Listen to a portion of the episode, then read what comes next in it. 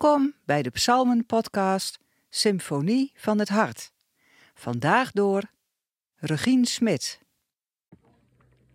Psalm 12. Voor de koorleider. Op de wijs van de achtste. Een psalm van David. Grijp in, Heer. Niemand is nog trouw. Geen mens spreekt nog waarheid. Ze beliegen elkaar allemaal. Vals en verraderlijk is hun woord. Heer, snijd hun valse tongen af. Snoer de monden vol grootspraak, die zeggen: Met onze tong zijn we sterk. Onze mond helpt ons. Wie kan ons aan? Zwakken en armen zuchten onder het geweld. Om hen sta ik op, zegt de Heer. Ik breng de redding die zij verlangen. De woorden van de Heer zijn zuiver, als zilver, gesmolten in de smeltkuil, gelouterd tot zevenmaal toe. Behoed hen, Heer, bescherm hen steeds tegen dat volk.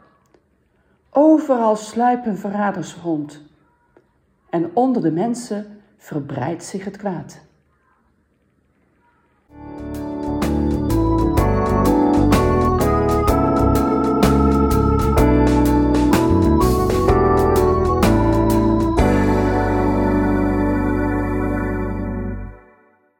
Is er dan niemand meer die hier de waarheid spreekt? Wie vandaag het nieuws hoort en de kranten leest over fake news en trollen, het politieke spel in de conversatie tussen wereldleiders, de steeds wisselende uitspraken over het coronavirus, de complottheorieën die bewust de wereld in worden gestuurd, voelt deze uitroep resoneren. Al deze zaken kunnen je ontregelen. Ze kunnen inderdaad het gevoel geven dat je nergens meer betrouwbaarheid vindt. En dat je bovenal niet meer weet op basis waarvan je nog kunt zeggen wat waar en niet waar is. Dat de vaste grond onder de voeten weg is. En waar loop je dan naartoe? Hoe eenzaam ben je dan? De psalmist heeft precies die ervaring. Iedereen liegt. Er is alleen nog maar valsheid en verraad. Ben ik nou de enige die dit hoort en ziet? Bij wie kan ik nog steun vinden? Deze psalm wordt aan David toegeschreven, die ongetwijfeld dit soort momenten zal hebben gekend. Maar het had even goed Elia kunnen zijn, die in het boek 1 Koningen uitroept: ik ben als enige nog over. Ik sta hierin alleen. Deze psalm gaat over een vorm van kwaad die de essentie van het leven raakt: het spreken. Er is geen menselijk leven zonder spreken. Leven kan überhaupt niet zonder woorden. Het is door het woord dat de schepping tot bestaan is gekomen.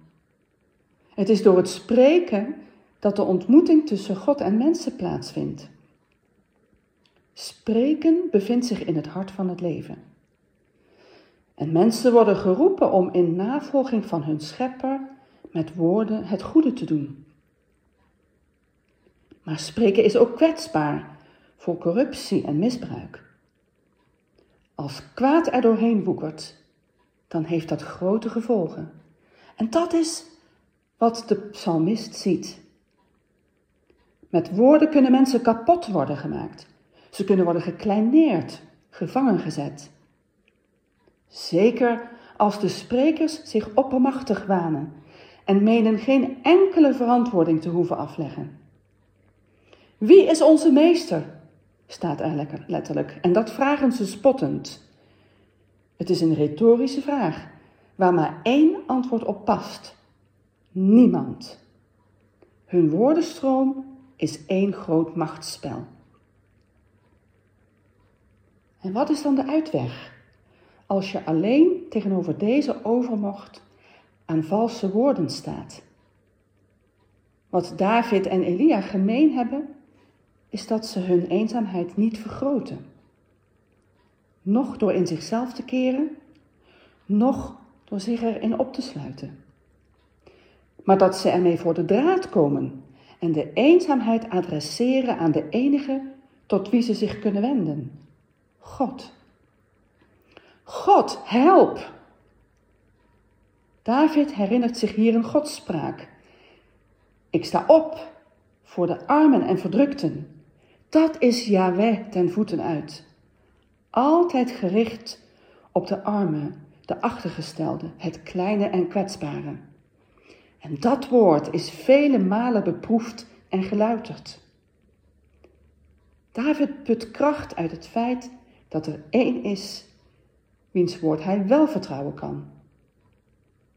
En dat maakt dat hij niet de verbale kracht van de goddeloze en de wetteloze probeert te overstemmen met nog grotere woorden. Hij kiest een andere weg. Aan het eind van de psalm is de situatie onveranderd. Maar de oerkreet om hulp aan het begin is veranderd in een gebed om bescherming van de slachtoffers, gericht aan een God op wie te bouwen valt.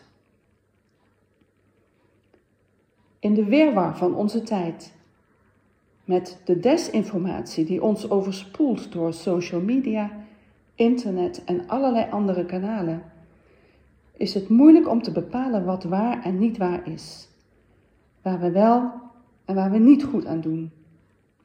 Er is geen concrete vijand te vinden, of het moeten de megalomane machthebbers of bedrijven zijn die talloze slachtoffers maken door hun zucht naar macht of geld. En ook de kerk is erg verdeeld over hoe deze tijden te duiden. Wat deze klaagpsalm ons leert, is dat het belangrijk is om ons niet op te sluiten in wantrouwen naar alles en iedereen. Of ons te verliezen in haatwoorden naar vermeende godslasteraars.